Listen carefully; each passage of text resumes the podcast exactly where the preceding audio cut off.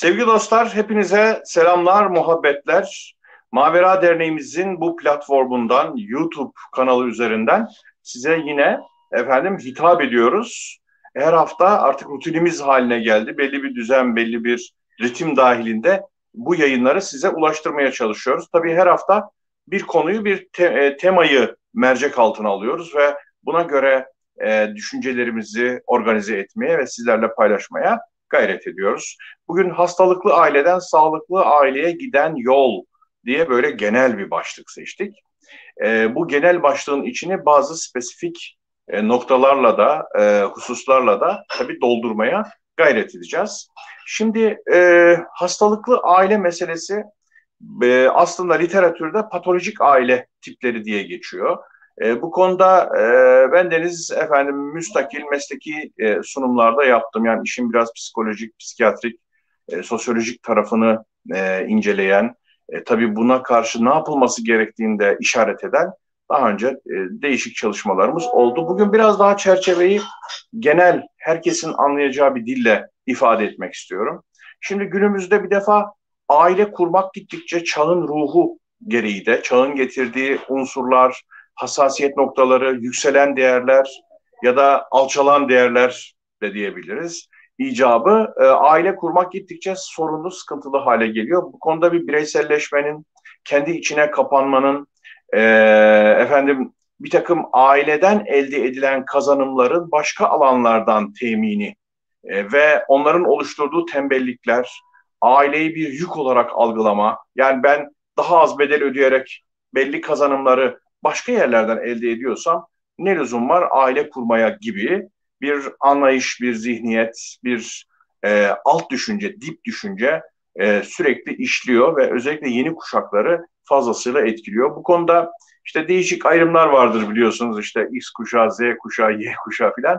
Ben böyle çok kategorik ayrımlar yapmıyorum ama 95 sonrası e, kuşakta e, bu dijitalleşmenin de etkisiyle, siber cinselliğin de tabii etkisiyle ve bir de uzun zamandır devam eden ta cinsel devrim zamanından beri 1960'lardan beri devam eden ailenin ailenin itibarsızlaştırılması e, hususu gereği e, boşanmaların aile içi huzursuzlukların artması gereği oluşan bir yapı var, algı var, eğilim var, temayül var. Ne diyorsanız o. Ama var.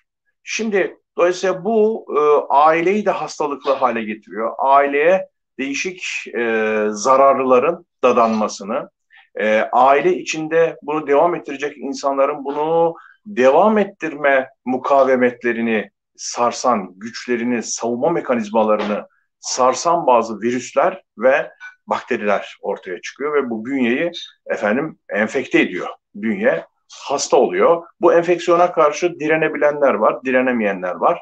Ama genel anlamda aile ağacının bugün pek çok zararlı tarafından e, ciddi anlamda e, etkilendiğini, bu zararların bu ağaca dadandığını ve bünyeyi e, enfekte ettiğini rahatlıkla söyleyebiliriz. Şimdi efendim öncelikle e, şunu net olarak bilmek lazım ki bütün insanlık tarihine baktığımızda e, aile kurmanın dışında tam bir güven sağlayan, e, tam bir itminan sağlayan, insanı gerçekten e, maddi manevi doyuma ulaştıran eğer sağlıklı bir aile ise başka bir kurum bulunamamıştır. Yerine alternatif konulamamıştır. Çok denemeler yapılmıştır.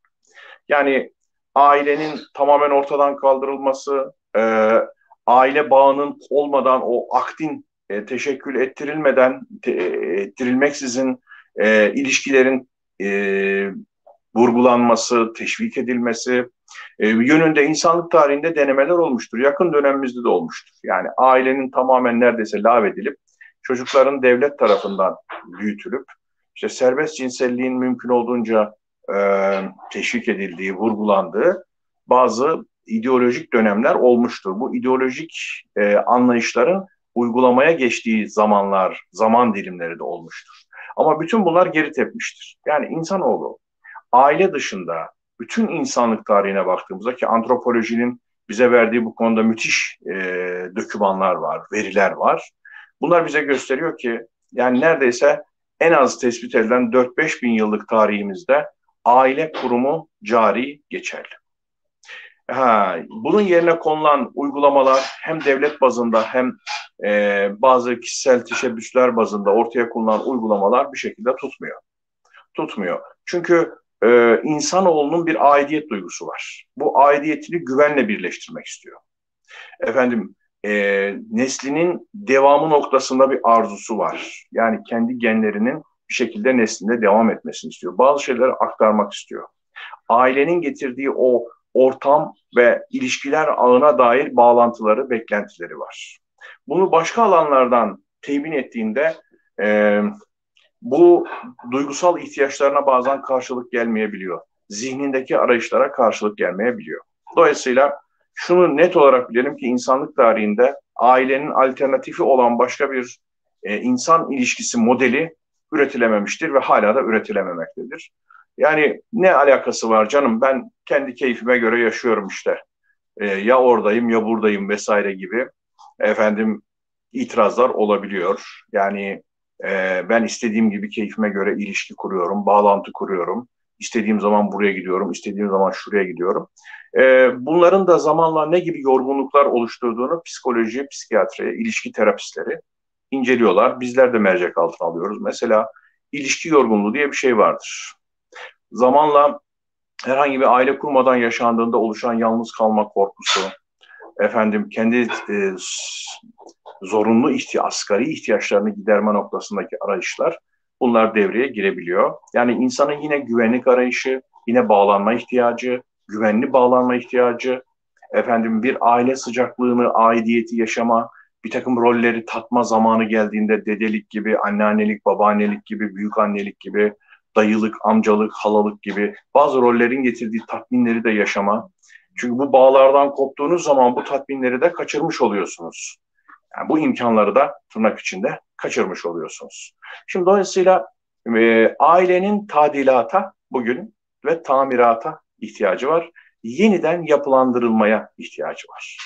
Bunun içinde bizim e, patolojik aile yapılanmasını çok iyi incelememiz gerekiyor. Yani ailedeki patolojinin, psikopatolojinin, sosyopatolojinin kaynakları, sebepleri nelerdir?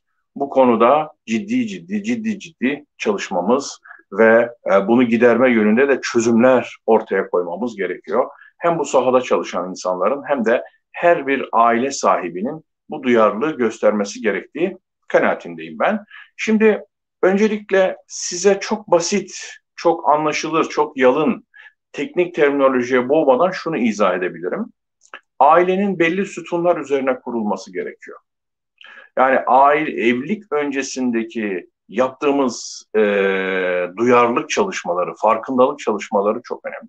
Bir defa günümüzde e, gelenek ortadan kalktığı için insanlar evliliğe hazırlanamıyorlar.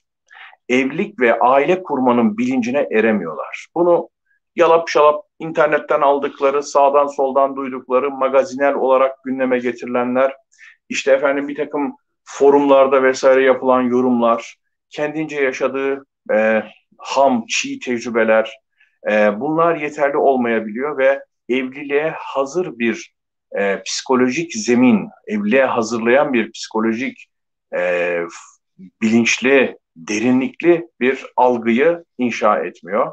E, bir şekilde evliliği bazen haz kaynağı gibi görebiliyoruz. Evliliği bazen sadece maddi hizmet alma alanı olarak algılayıp içine girebiliyoruz. Yani günümüzde yapılan aile e, oluşturma çabaları ve evlilik ilişkileri açısından söylüyorum. Yani evliliği son derece ilkel, dürtüsel e, noktalara, konulara indirgeyebiliyoruz. Beklentilerimizi buna göre ayarlayabiliyoruz. Evlilik öncesinde yaşadığımız tabii tecrübelerin de etkisiyle beklenti ayarlarımız çok ciddi bozulabiliyor. Bu da var. Yani evlilik öncesindeki ilişki ağı, yaşanılan tecrübelerin de e, aile kurmada evlilikte büyük etkileri olduğunu gözlemleyebiliyoruz. Özellikle mesela cinsel sorunların ortaya çıkmasında yaşanan e, cinsel tecrübelerin e, daha sonradan aile kurulduğunda ne kadar etkili olduğuna dair e, hikayeler sürekli dinliyoruz, öyküler ortalıkta. Şimdi efendim ben e, size belli aile, sağlıklı aileyi oluşturan patolojik yapılanmalardan sağlıklı aileye doğru geçişi temin eden belli temel ana prensipleri çalışmak istiyorum, bugün anlatmak istiyorum. Şimdi bunlardan bir tanesi aile içinde e, yapıyı kurarken, binayı inşa ederken e, kesinlikle hak vurgusu üzerine aileyi kurmamak gerektiği kanaatinde. Yani çocuk hakkı, kadın hakkı, erkek hakkı, senin hakkın, benim hakkım. Bak işte efendim sen şunu yapacaksın, ben bunu yapacağım, hadi iş bölümü yapalım. İş bölümü mantığıyla aileyi yapılandırdığınız zaman ailenin bu kimyasına uymuyor. Yani senin şu şu şu şunları yapman lazım. Bunu metazori bir kurallar yığını gibi e, dayatmak, sunmak anlamında söylüyorum. O hakkı, hukuku adeta zorunlu hale getirmek, e, duygu boyutunu, fedakarlık boyutunu, katılım boyutunu, destek boyutunu, gönüllülük boyutunu yok etmek anlamında bunu söylüyorum. Yoksa doğal olarak bir iş, iş bölümü zaten her ailede meydana gelir. Yani der ki ben kahvaltıyı hazırlayayım lütfen sen de sofrayı kurar mısın? Sofrayı kurduktan sonra sen kaldır ben de işte bulaşıkları makineye doldurayım. Makinede yıkandıktan sonra ne bileyim ben hadi kızım oğlum sen de şu makineyi boşalt vesaire. Şimdi böyle bir doğal tabii seyrinde iş bölümünün oluşması vardır. Bir de bunu mekanik bir şekilde yapılandırmak vardır. Bunu bir de hak hukuk meselesi gibi sunmak vardır. Hak hukuk dediğimizde sadece rasyonel, duygu, e, emosyonel boyutun olmadığı, duygusal boyutun, duygusal gönüllülük katılım boyutunun olmadığı bir yapılanma aileyi son derece e, nasıl söyleyeyim soğuk, donuk, e, son derece sıkıntılı, e, herkesin katı bir şekilde hakkını müdafaya çalıştığı, hak müdafasından efendim vazifesine odaklanamadığı ve katılımcı gönüllülük gösteremediği bir yapı e, gündeme geliyor diye düşünüyorum. Yani biz aslında vazife vurgusu yapmalıyız. Yani evladım herkes vazifelerine burada yap, riayet edecek. Lütfen vazifelerimize odaklanalım. Yoksa bunu bir hukuk bürosundaki hak davası gibi ele almaya başladığımızda ailenin bir defa kimyası bozuluyor. Ha, hak hukuk ihlallerinin gerçekten ciddi boyutta olması ayrı mesele. Yani istismarlar ayrı mesele. E, anormal patolojik davranışlar ayrı mesele. Bunlara bunlara diyeceğimiz bir şey yok. Orada mecburen sınırların korunması gerekiyor. Orada sınırların net bir şekilde gerektiğinde çizilmesi gerekiyor. Bir defa bunun çok önemli bir prensip olduğunu düşünüyorum. Ailenin sağlıklı kimyasının oluşması açısından günümüzün ruhunu, çağın ruhunu da gözeterek bu meselenin etraflıca ele alınması gerektiği kanaatindeyim. Bir defa bunu söylemiş olayım size. İkincisi ailede e, tırnak içinde mutlaka bir son sözü söyleyen olmalıdır diyorum ben. Son sözü söyleyen, noktayı koyan. Kararı en nihai veren. Burada da özellikle aile içinde kim hangi alanda güçlüyse modüler bir liderlik modeliyle buna bakılması gerektiği kanaatindeyim. Modüler liderlik, durumsal liderlik. Yani bu liderliği de sadece siyasi liderlik gibi falan algılamayın. Yani kim hangi konuda donanımlı, birikimli ise, bilgisi, görgüsü, e, etki alanı, nüfuz alanı fazlaysa onun o konuda son noktayı koyan, söz söyleyen, istişare ettikten sonra, fikirleri aldıktan sonra ki çocukların burada yaşı da çok önemli.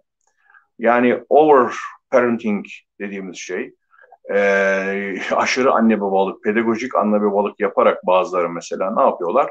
çocuğu 3 yaşına itibaren her konuda ikna etmeye çalışıyorlar. Her şeyi izah ediyorlar. Niye? E, çocuğu demokratik yetiştirecekler ya ve çok hani kusursuz hani perfectionist dediğimiz bizim e, mükemmeliyetçi efendim yetiştirecekler. Çocuğu 4 yaşında, 5 yaşında her şeyi izah, izah, izah, her konuda onun görüşüne başvurma, onun onayını alma, onun tasdiklemediği bir şeyi yapamaz hale gelme. Bu o çocuklarda da başka türlü sorunların açığa çıkmasına yol açıyor. Yani prensip olarak şunu söylüyoruz. Diyoruz ki e, demokratik aile demek efendim kakofonik aile demek değildir. Kaos ailesi demek değildir. Mutlaka insanların fikirlerini beyan etmesi gerekiyor. Ama o fikirler hangi konuda, hangi mevzudaysa o, o hususta kim daha etkili ve yetkiliyse, donanımlıysa, bu kadın olabilir, erkek olabilir, çocuk olabilir bazen. Yani yaşına göre tabii e, onun karar vermesi, o işi takip etmesi, gerektiğinde sorumluluğunu üstlenmesi ve takibi e, gerekiyor. Ben buna durumsal liderlik diyorum. Hani aile reisi nereden çıktı kardeşim falan diye bir itiraz eder. Reis kavramı çünkü çok değişik anlamlarda kullanıldığı için bazen insanlar buna tepkisel davranabiliyor efendim. Otoriterliği çağrıştırabiliyor işte efendim başka türlü angajmanlar mesela zihni aktüeliteyle dolu olan insanların aktüel politikle bağlantı kurmaları mevzu bahis olabiliyor. Ki bu da soğukkanlı düşünmeyi, objektif analizi e, ortadan kaldırıyor yani. E, ama şunu söyleyeyim, ailede tırnak içinde son sözü söyleyen belli konulara göre birilerinin olması gerekir. Tatile gideceğiz. Tatile gideceksen geliyor efendim görüşür, görüşler alınır, kanaatler alınır, yorumlar alınır çocuğun yaşına göre. Burada ısrarla üçüncü defa söylüyorum bak. 0-16 yaş. Hadi diyelim biraz daha indirelim. 0-15 yaş aralığı yaklaşık çocuklarımıza telkin dönemidir. Telkin biraz böyle amirane bir dildir. Seçenekleri çok az sunup onlardan birini seçmeye onu yönlendirmektir. Yani yönlendirme vardır, biraz buyrukçuluk vardır. Çünkü aşırı demokratik davrandığınız zaman, her konuda onları ikna edecek bir tavır içine girdiğiniz zaman bu çocuklarda irade zehirlenmesi dediğimiz bir şey ortaya çıkıyor ve bunlar hazımsız davranıyor. Yani çocukta bu aşırı hürriyet hazımsızlık yapıyor. Hazımsızlık yaptığı için çocuk anne babayı yönetmeye başlıyor. Yani bizim velet şahi aile modeli dediğimiz yapı ortaya çıkıyor. Bu e, anne babanın konumu, e, yeri, etkinliği açısından ciddi mahsur teşkil ediyor ki ben patolojinin ana önemli kaynaklarından birinin de bu olduğunu düşünüyorum. Yani rollerin değişmesi, rollerin orijinal anlamıyla yerli yerinde temsil edilemeyişi olarak bunu ifade ediyorum. 0-15 yaş e, telkin dönemidir. Telkin nedir? Birazcık böyle, evet şunlar şunlar şunlar var, hangisini yapıyoruz? Lütfen bunu yaparsak sevinirim, öyle olacak. Rica ediyorum filan. Yani böyle biraz yönlendirim. 15-16 yaşından sonra tebliğ dönemi başlar. Eski pedagojik kavramlarda sevdiğim için kullanıyorum ben bunları. E, tebliğ dönemi şu. Ben bu konuda şöyle şöyle düşünüyorum evladım, çocuğum. Ama nihai karar senin, sen bilirsin. Bak şöyle şöyle davransan bu daha isabetli olur. Hem duygu açısından, hem mantık açısından, hem bunun işlevi, fonksiyonu, göstergeler açısından kanaatim şu yönde ama sen bilirsin, sen takdir edersin diye çocuğun aklına kapı açıp iradesini hepten elden almamak, akla kapılar açmak dediğimiz sisteme geçiş yapılması lazım. Ha demek ki istişarede de e, bu yönden karar vermek lazım. Yani e, bu yönden e, yaşını gözeterek, e, konumunu belirleyerek e, bizim e, karar vermemiz gerekiyor. Bu yani son sözü söyleyen birinin olması gerekiyor ailede. Ben tırnak içindeki reislik anlayışını, aile reisi falan kavramını böyle modifiye ediyorum. Böyle yeniden düzenlenmesi gerektiğini düşünüyorum günümüz ailesi itibariyle. Çünkü artık tarım toplumunda değiliz. Hatta bilgi toplumunda da değiliz bilgi ötesi bambaşka bir yapılanmanın içindeyiz. Şu anda yani e, belki sosyolojik anlamda da tam tasnif edemeyeceğimiz bir siber toplum yapılanmasına doğru, örgütlenmesine doğru gidiyoruz. E, bu zamanda e, tarım toplumunun mantığıyla işte yukarıda bütün parayı toplayan, bütün gücü toplayan, her şeye karar veren bir reis var. O her şeyi yönlendiriyor, o kararı veriyor. Aile onların çatısı altında. Çocuklar onların çatısı altında. Her yeni evlenen çocuğa bir oda açılıyor. Onu bunu gerçekleştirmemiz mümkün değil. Hani bunu idealize edenler olabilir ama şu anki e, reel durumda bu e, geçerli değil. Geçerli değil. Dolayısıyla hangi halin içindeysek ona göre ailedeki yapılanmaların güncellenmesi gerekiyor. Bir, ona farklı alternatifler önerilmesi gerekiyor. İşte benim alternatiflerimden biri bu. Durumsal liderlik. Ailede durumsal liderlik e, ve karar alma mekanizmalarında özellikle gelişim yaşlarının iradi açıdan, iradi gelişim yaşının gözetilmesi gerektiği kanaatindeyim.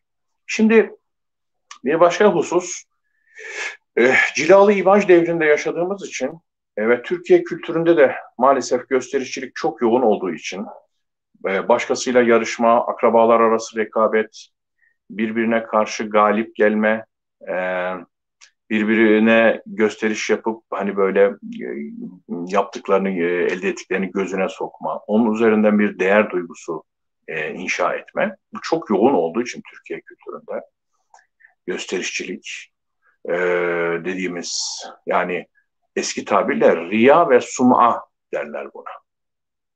Riyakarlık, sosyal ikiyüzlülük ve suni davranışlar, e, görenek belası ne derseniz deyin. Bunun modern versiyonu da var. Efendim geleneksel versiyonu da var. Modern dünya zaten imajinatif bir dünya. Yani sen göründüğün kadar varsın diyor. Senin değerin, kıymetin göründüğün kadar ve bu görünürlüğünün onaylandığı kadar varsın diyor. Geçenlerde bir kendince bir şeyler karalayan bir kızımız paylaşımda bulunmuştu. Hatırlar mısın sosyal medyada?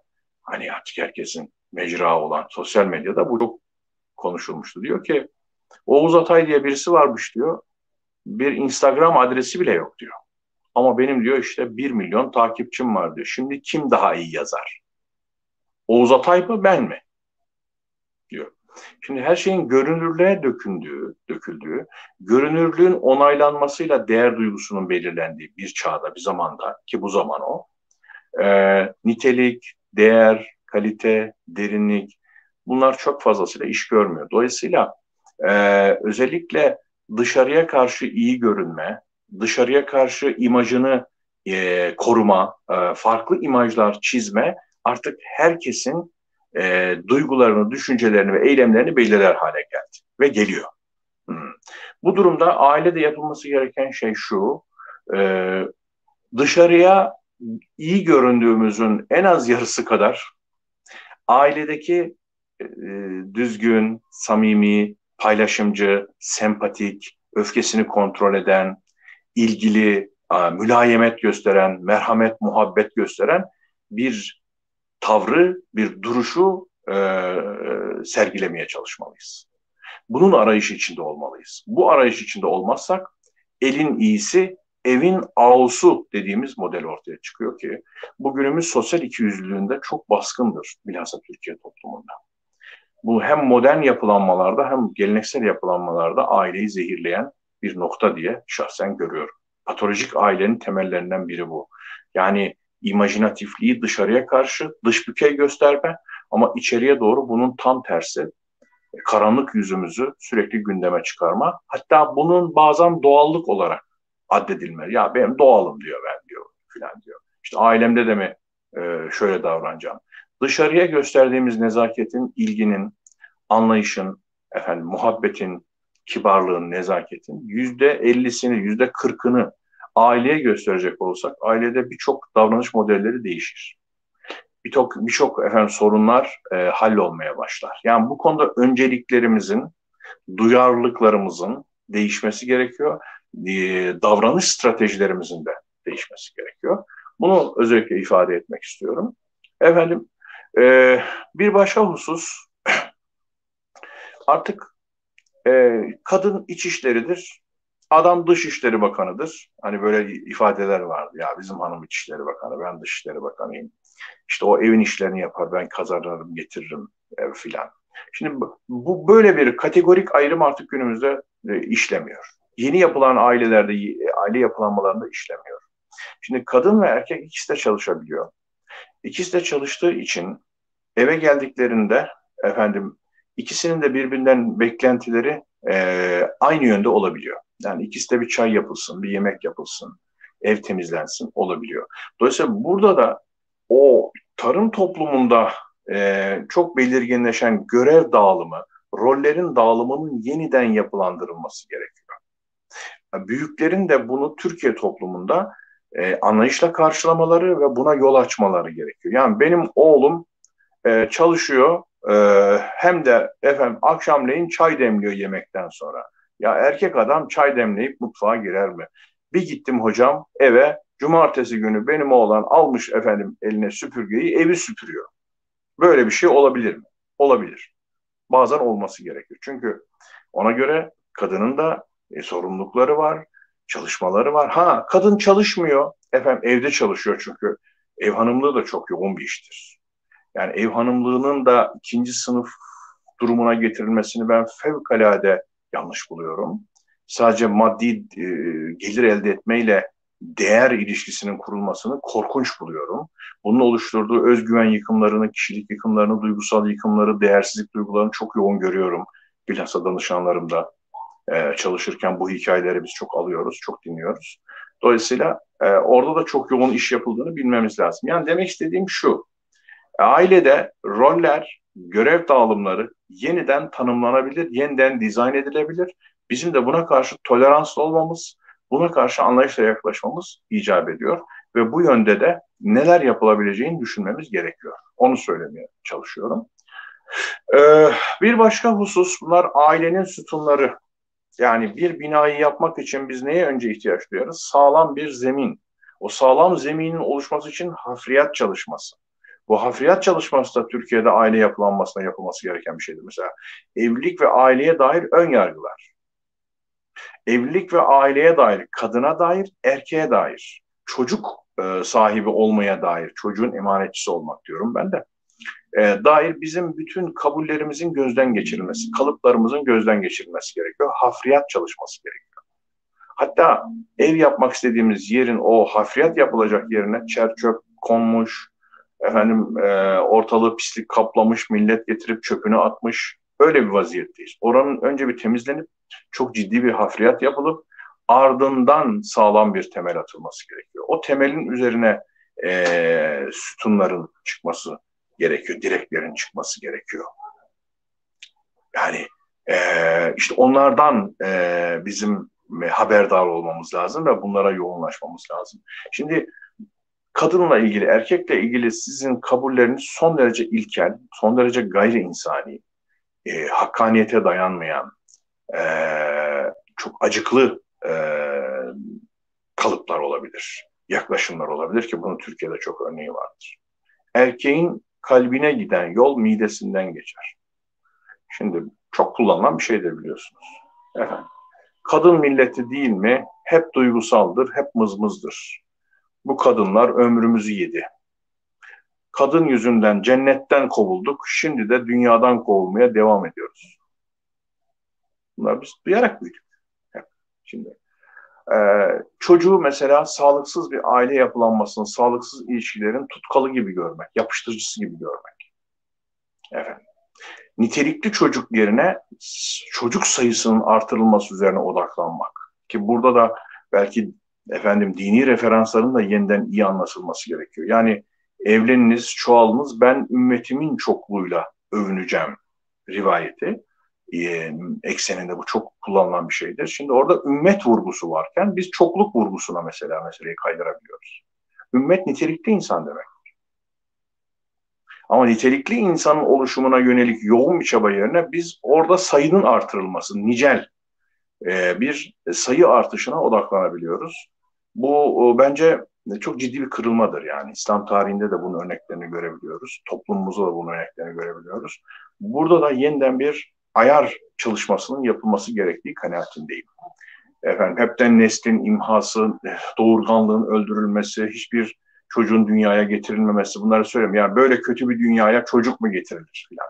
Bu da karşı taraftaki e, yaklaşımlar, ifratlar, tefritler e, arasında savrulan bizler. Öyle söyleyeyim size. Evet, şimdi demek ki e, bu sütunları anlamamız gerekiyor. Bu sütunları oturtmamız gerekiyor. Bu sütunları oturtmak için bunları e, anlatmaya çalışıyorum, ifade etmeye çalışıyorum. Çünkü patolojik hastalıklı aileden kurtulmanın, o enfeksiyonları kurutmanın, iltihap alanlarını kurutmanın yolu böyle bir e, yol takibinden geçiyor. Onu söylemek istiyorum.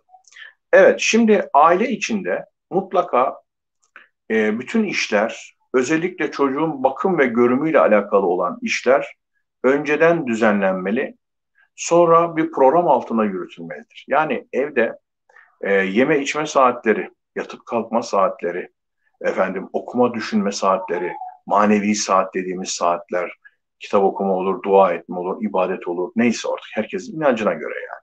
yani orada bir şey diyemeyiz. Ailenin e, bu tür zaman yapılanmasında inancının, düşünce yapısının öncelikle etkisi var. Ona bir şey diyemiyoruz. Ama mutlaka ailede bir düzen ve tertip olmalıdır. Çünkü çocuk düzensiz dağınık, kaotik bir ortama doğduğu zaman e, çocukta e, evrenin genel yapısına, doğanın, hayatın, insan hayatının genel yapısına eklemlenmede bir sorun yaşanabiliyor. Ya da o aşırı düzensiz aile yapısını telafi etmek için obsesif kompulsif reaksiyonlar geliştirebiliyor. Yani karşıt bir tepki geliştirmeyle bu sefer aşırı düzen vurgusu yapıp bunu takıntıya kadar ne yapabiliyor? Obsesyona kadar götürebiliyor. Demek istediğim yatıp kalkma, yeme, içmenin düzene sokulması, okuma, düşünme, çalışma ve çocuklarla meşgul olma saatlerinin tanzim edilmesi, düzenlenmesi, çocuğun okul ve sokak arkadaşlarıyla geçirdiği ki günümüzde geçiremiyor okul ve sokak meselesinde bir kısıtlama içindeyiz. Bu inşallah bu döneme özgüdür diyorum. Bu eğer sürekli hale gelecekse ki zaten baştan sona birçok şeyi yeniden yapılandırmak gerekiyor. Yani pandemi şartları genele yayılacak ya da çok uzayacak olursa ki bu konuda felaket e, senaryoları var biliyorsunuz. Bu sürecin 10 yıl devam edebileceği vesaire gibi korkutucu şeyler var. İşte o zaman bütün ailedeki ilişkileri, çocuk ilişkilerini, ebeveyn ilişkilerini yeniden düşünmemiz ve örgütlememiz gerekecek. Yapılandırma teklifleri, önerileri sunmamız gerekecek. İşte okul ve sokak faktörü ortadan kalktığında e, dijital eğitim, bu dijital eğitimin çocuklarda oluşturduğu unsurlar ki bugün çocuklar yani bambaşka bir dijital dil kullanıyorlar.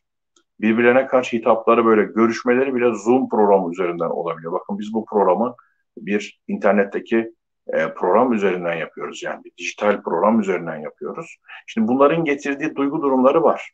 Davranış biçimleri var. Eğlenme, oturma, kalkma alışkanlıkları var. Konuşma biçimleri var, dil var, ifade var, düşünme tarzı var. Bunun oluşturduğu bir takım psikolojik rahatsızlıklar var. Dolayısıyla bu sefer bunları hesaba katarak e, ailedeki e, enfeksiyon noktalarını tespit etmemiz gerekiyor. Buna bakmamız gerekiyor. Ama ben normal şartlar için şu anda söylüyorum. Çocuğun okul, arkadaş, sokak, e, buralarda geçirdiği zamanların durumunun araştırılması, özellikle 16 yaşına kadar ne yaptığını, ne ettiğini bir kontrol mekanizmasının olması gerekiyor. E, hocam biz çok özgürlükçü bir aileyiz. Müdahaleyi sevmiyoruz. Sonuna kadar özgürlük. Biz çok müdahale edilerek yetiştirildik hocam. Babam, annem hep müdahale ederdi. İşte günlüklerimi okurdu, bilmem arkadaşlarımı takip ederdi. Tamam bak burada bir problem var ama biz şunu söylüyoruz. Mutlak özgürlük diye bir şey yoktur ve bu da bir problemdir. Şu sloganı yıllardır anlatıyorum ben. Diyorum ki özgürlükler anlamlı sınırlarla sınırlanmalıdır. Ve bir soft kontrol, bir yumuşak kontrol olmalıdır. Çocuğun durumuna göre, mizaç yapısına göre, karanlık noktalarına göre, sapma noktalarına göre bu gerektiğinde biraz dozu artırılmalıdır. Yani dozu da artıracak şekilde bir e, kontrol gerekebiliyor. Kontrol ve koçluk diyebileceğimiz arası, bu ikisinin arasında bir e, formülasyonun olması gerekiyor 16 yaşına kadar. 16 yaşından sonra artık arkadaşlık, dostluk, paylaşım, arkadaş gibi olmak, arkadaş olmamak. Yine anne baba olduğunu hatırlayacak, bilecek. Ona göre davranacak. Efendim. Dolayısıyla bu çocuklarınızla arkadaş olun falan gibi e, psikoloji, bir kısım psikolojiyi kullanan esnaf tavrındaki insanların yüzeysel sorunlarına da kapılmamak lazım. Burada da tırnak içinde amiyane konuşalım, dolduruşa gelmemek lazım. Evet. Ee, bütün bunlar ailenin temelini oluşturuyor. Şimdi zamanımız azalken, azalmışken e, bir hususu daha söylemeden edemeyeceğim. Onu da söyleyeyim. Ondan sonra da sizin dünyanıza havale edeceğim. Şimdi bir defa çocuk erişkinin küçük bir modeli değildir. Çocuk ayrı bir dünyadır, ayrı bir yapıdır, ayrı bir bünyedir. Erişkinin küçültülmüş modeli gibi, küçük erişkin gibi bakmamalıyız. Böyle bakarsak problem oluyor. Çocuğu erişkinden, yetişkinden ayıran birçok özellik vardır. Çocuğun kanıtlanabilir en güçlü tarafı ve üstünlüğü öğrenme güdüsüdür. Öğrenme noktasında muazzam. Yani o duyargaların açıklığı, o her şeyi çok hızlı bir şekilde kaydedebilme, alabilme özelliği muazzam. Şimdi bunu e, biliyorsunuz Montessori, Doktor Montessori emici zihin yapısı diye izah ediyor. Ve bu emici zihin e, çok küçük yaşlardan itibaren özellikle aile içindeki davranışlar, yaşantılar, ilişki biçimleri, dil, modeller, roller bunları emiyor. Bunları emiyor, alıyor. Taptaze bir yapının, bünyenin, süngerin suyu emmesi gibi adeta emiyor. Eğer beslen suyu aldığı ortam süngerin kirliyse, efendim ee, hakikaten steril bir ortam değilse, hijyenik değilse, e, enfekte olmuş bir ortamsa oradan ne yapıyor? Bir sürü bakteriyi, virüsü alıyor. Yani zihnin yapılanmasında, örgütlenmesinde bunların çok büyük etkisi var. Hmm. Şimdi gelelim bir başka hususa. E, bu e, emici zihin yapısını en çok etkileyen şey anne baba çatışmaları. Yani çocuğun en çok etkilendiği şey anne baba çatışmaları. Dolayısıyla anne baba çatışmalarının mutlaka ama öyle ama böyle netliğe kavuşturulması lazım. Ya bu konuda profesyonel destekler alınması gerekiyor. Efendim ya bu konuda operasyonel bazı müdahaleler yapılması gerekiyor ya da en nihai istenmedik çözüm ayrılınması gerekiyor. Çünkü kangren olmuş bir ilişki evdeki herkesi hasta eder hale gelebiliyor. Efendim. Şimdi anne baba çatışması ailenin tüm bireylerini diğerlerine oranla çok daha fazla etkiliyor. Aile için anne baba ilişkisi en temel hususu oluşturuyor. Şimdi patolojinin kaynaklarına işaret için söylüyorum. Size şunu söyleyeceğim. Çocuklarımıza karşı ailede en temel vazifemiz iki tane, iki temel vazifemiz var. Kendimize gereksiz yükler yüklememizin bir anlamı yok. Gereksiz bagajların altında ezilmemizin bir anlamı yok. Çocuğuma kat bırakacağım, yat bırakacağım, para bırakacağım, mal bırakacağım, mülk bırakacağım, işte şunu yapacağım, araba alacağım. Böyle bir vazifemiz yok. Bizim iki temel insani vazifemiz var. Bunlardan bir tanesi dengeli bir sevgi vermek, muhabbet. Dengeli ama. İkincisi de bir öz disiplin kazandırmaya çalışmak. Yani kendi kendini yönetmeyi öğretmek. Kendi kendine sorunlarla baş etmeyi, üstesinden gelmeyi kazandırmaya çalışmak. Hür muhakemeye sevk etmek, hür muhakeme, özgür düşünme, özgür kıyaslama. İkincisi de yeteneklerin keşif ve açığa çıkarılması. Bak bunlar hep birbiriyle bağlantılı. Hep birbiriyle irtibatlı. Dolayısıyla bizim ana vazifemiz bu. Ya sonra işte çocuğa iyi isim vermek, evlendirmek var. Onlar ayrı mesele. Ben temelde pedagojik anlamda söylüyorum. Şimdi Türkiye toplumunda patolojik aile yapılanmasının, hastalıklı aile yapılanmasının e, temelinde ben dört tane unsur görüyorum. Bunların tabii çocuklarla bağlantısını şu anda anlatıyorum. Çocuk yönünden, çocuğun yetişmesi açısından anlatıyorum. Az önce ailedeki genel prensipler açısından 5-6 madde e, sıraladım. Dostlar, e, ailedeki patolojinin muhatabı olan e, unsurlardan biri çocuktur dedik. Yaşa göre davranılması gerektiğini söyledik. Mesela e, en büyük problemlerden biri aşırı sevgi problemidir. Çocuğun kaldıramayacağının üstünde sevgiye muhatap olması, şımartılması, her istediğinin yapılması, sürekli çocuğa rüşvet verecek veren bir anne baba modelinin ortaya çıkması. Mesela iş yerine gidiyorlar, çalışıyorlar. Bir defa suçluluk duygusuyla doktorlar. Akşam geldiklerinde aşırı ilgi göstererek, her dediklerini yaparak çocuğa adeta rüşvet veriyorlar ve çocuğu e, kaldıramayacağı bir yükün altına sokuyorlar, sevgi yükü. Benim yıllardır meşhur bir örneğim var. O da şudur. 100 wattlık bir ampule 500 wattlık elektrik verirseniz ne olur diye sorarım. Aldığımız cevap belli. Patlar, yanar. Hocam fazla sevgiden zarar gelir mi? Gelir. Şefkat, fazla şefkatten zarar gelir. Çünkü niye? Karşı tarafı ona göre e, duygu ayarlarını bozar, davranış ayarlarını bozar. Aşırı sevgiye çok dikkat etmemiz lazım. İşte son çocuk, ilk çocuk, ne bileyim ben, ilk torun, şu kadar kızdan sonra bunu bulduk, tekne kazıntısı vesaire. Bunun bahaneleri var. İşte çok çalışıyoruz, hafta sonu görüyoruz. Anne anneanne bakıyor. O yüzden hocam mecburen her istediğini yapıyoruz. E, bu aşırı sevgi kesinlikle ayarı bozuyor ve ailedeki çocuk patolojisinin temel sebeplerinden biri. Aileyi de hastalıklı sorunlu hale getiriyor. Çocuk istediklerini dayatmaya başlıyor, ısrarla ağlıyor, kendini yerlere atıyor. Efendim e, anne babaya hükmeder hale geliyor. E, anne baba adeta çocuğun çocuğu haline geliyor. böyle bir e, sistemde de ciddi bozulmalar gündeme geliyor. İkincisi yetersiz sevgi. Yani normal muhabbetin, sevginin dışında yetersiz sevgi, ilgi göstermemek, sevgi göstermemek. Bunun da tabii çok değişik sebepleri var. Efendim, e, yetersiz sevgiyle beraber ciddi anlamda mesela e, sosyopatiye, psikopatiye yatkınlıklar oluşuyor. Efendim, asosyal yatkınlıklar oluşuyor. Empati eksikliği noktasında yatkınlıklar oluşuyor. Şiddete yatkınlık açısından temayüller, eğilimler devreye giriyor. E, varlığa, hayata karşı kin, öfke, mesela sürekli kronik bir öfke. Bunun altında bazen yetersizlik, yetersiz sevgi ve bunun beslediği değersizlik duygusu. Ya tabii bu bazen kimlik problemleriyle birleşebiliyor. Yani yetersizlik, değersizlik duygusuyla kimlik e, oluşturma arasında bağlantılar kurulabiliyor. Buna dikkat etmek lazım. Bir başka şey gevşek eğitim. Gevşek eğitimde çocuğa müdahale etmeyeceksin. Su akar çatlağını bulur filan mantığı. Su akar çatlağını bulur. Çok güzel bir söz de bunu yani çocuğa hiç e, bir alan hayır dememek mesela sınırsız çocuk sendromu diye anlatıyoruz ya biz bunu. Sınırsız çocuk sendromuna yol açacak şekilde davranıyorsan büyük bir problem. Sen buna sınır öğretmen lazım. Çünkü sınırlarını bilmeyen insanların mutsuzluk katsayıları çok daha yüksek.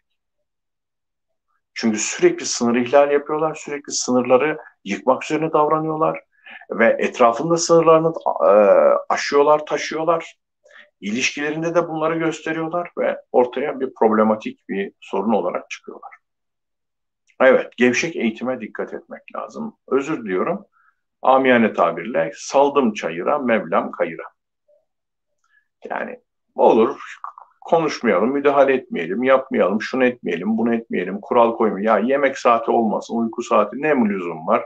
Kurallar zaten hayatımızda çok var. Mesela işte gevşek eğitim mantığı. O disiplinin çok özel bir kıvamda yürütülmesi gerekiyor. Çok özel, yaşa, duruma, çocuğun mizacına, ailedeki temel dinamiklere göre yürütülmesi gerekiyor. Şimdi mesela bazen şöyle bir şey oluyor. Anne baba buna riayet ediyor. Çocuğun e, bakımına, görümüne müdahil olan büyükler mesela bunu bozuyorlar. Anne baba çocuğun zamanında yemeğini bitirmesini, yemeğini düzgün yemesini, çok fazla yemek seçmemesini sağlamaya çalışıyor. Oradan büyük anne atılıyor mesela. Ya hayır çocuğum yeme yeme boş ver diyor onu. Gel ben sana diyor çikolata vereyim. Gel ben sana işte ne bileyim ben şunu yapayım bunu yapayım. Hadi bakalım bir de git diyor o kötü anneye vur. Babaya işte şunu söyle. Bunu yapanlar var. Şimdi bakın bu muazzam bir tutarsızlık ve çelişki davranışıdır. Bu bütünlük ve çelişki olmadan çocuk bunu kullanır. Çocuk bunu kesinlikle kullanır. Yani bu yasaklarımız, sınırlarımız, koyduğumuz bir takım e, bariyerler anlamında da geçerli bir husus. Bir başka şey de sıkı disiplin. Bu sıkı disiplinin de iki versiyonu var. E, ailede çocuk açısından patoloji oluşturuyor. No, birincisi geleneksel versiyon. Yani haram, yasak. Mesela Allah'ın haram etmediğini haram ediyor. Bisiklet kullanıp da diyor işte şöyle mi olacaksın? Kız çocuğu bisiklete binmez. Biner. Efendim mesela babasından kız çocuğunu çok küçük yaştan itibaren e, uzaklaştırıyor, çekindiriyor. Babanın sevmesi, dokunması, öpmesi, koklaması lazım o çocuğu. Sarması lazım. Çünkü babayla sağlıklı ilişki kuramadığında kız çocukları veya erkek çocuklar anneyle bunlar hep e, e, karmaşalara yol açabiliyor, problemlere yol açabiliyor. Yani psikoloji tarihi bunların yazılarıyla, yorumlarıyla, vakalarıyla dolu. Ee, yasak, el alem ne der, hayır, olmaz, mümkün değil, yapamazsın, e, dayak mesela. E, insani yapması gereken çocuğun e, normal şartlarda yapması gereken şeylerden mahrumiyeti Bunların hepsi geleneksel anlamda sıkı disiplin ve çok ciddi sorun oluşturuyor. Gelenek, e, modern anlamda nedir? Modern anlamda da işte günde 500 tane soru çözeceksin. Şu kadar konu efendim tekrar yapacaksın. Mutlaka mutlaka mühendis olacaksın. Mutlaka ODTÜ'ye gideceksin, Boğaziçi'ne gideceksin. Bilmem işte mutlaka kariyer yapacaksın. Mutlaka üst anlamda şunları elde edeceksin. Senin baban böyleydi, ailen şöyleydi. Oradan bilmem gitar kursuna gideceksin. Oradan çıkacaksın. Başka bir kursa gideceksin. Yani çocuğun nicel başarı anlamında aşırı derecede sıkıştırılması, hayattan mahrum edilmesi, hayattan koparılması, bir proje çocuk haline getirilmesi. Bu aralar çok konuşulan. Bunları da ben sıkı disiplin kategorisine sokuyorum. Ve birçok psikopatolojinin de nasıl kendisini gösterdiğini görüyorum. Şimdi bunların karşısında ortaya koyacağımız davranışlar çok önemli. Kısaca onu da söyleyeyim. Zamanımız epeyce azaldı. Ee, sevgili dostlarım, şöyle söyleyeyim size. Biraz olumsuzluk gerekiyor. Daima hep olumlu olalım, hep pozitif olalım, hep sevgi pıtırcığı olalım, hep şirin davranalım, hep evet diyelim, hep olumlayalım. Hayır. Sınır için biraz olumsuzluk gerekiyor. İkincisi yeterli sevgi. Dozunda, kıvamında sevgi göstermemiz gerekiyor. Üçüncüsü yeterli disiplin. Ne gevşek ne zayıf. Edersiniz. Yeterli disiplin göstermek gerekiyor. Dördüncüsü de yeterli hoşgörü. Hoş gördüklerimiz, hor gördüklerimiz olmalıdır. Bu hor görmeyi negatif anlamda söylemiyorum. Yani ilkelerimiz, prensiplerimiz. Efendim, yani e, sarı çizgilerimiz, kırmızı çizgilerimiz, yeşil çizgilerimiz. Bu anlamda söylüyorum. Bir ailede mutlaka kırmızı çizgiler, mutlaka sarı çizgiler ve mutlaka yeşil çizgilerin olması lazım ve bu çizgilerin bir şekilde hoşgörüden horgörü yani bizim tasvip etmediğimiz, onaylamadığımız bazı şeyler olduğunda e, çocuğa kazandırmamız, hissettirmemiz gerekiyor diye söylüyorum. Patolojik aile yapılanmasının e, o kadar çok kaynakları günümüzde var ki aileye karşı oluşan e, zaten duyarsızlığın, isteksizliğin çok önemli besleme kaynaklarından biri de budur. Dolayısıyla bu hususta ben size yine bugün bir işaret fişeği göndermiş oluyorum. Ümit ediyorum ki bunun devamını sizler getireceksiniz ve çok daha bu işi derinlikli, e, birilerinin ve kendimizin işine yarar, e, kullanışlı hale getireceksiniz. Efendim, e, bu programlarımı, bu konuşmalarımı dinlediğiniz için hepinize müteşekkirim. E, bu organizasyonu yapan e, Mavera Derneğimize, tekrar tekrar oradaki kardeşlerimize teşekkür ediyorum. Hepinizi selamlıyorum, muhabbetlerimi iletiyorum. Hoşçakalınız.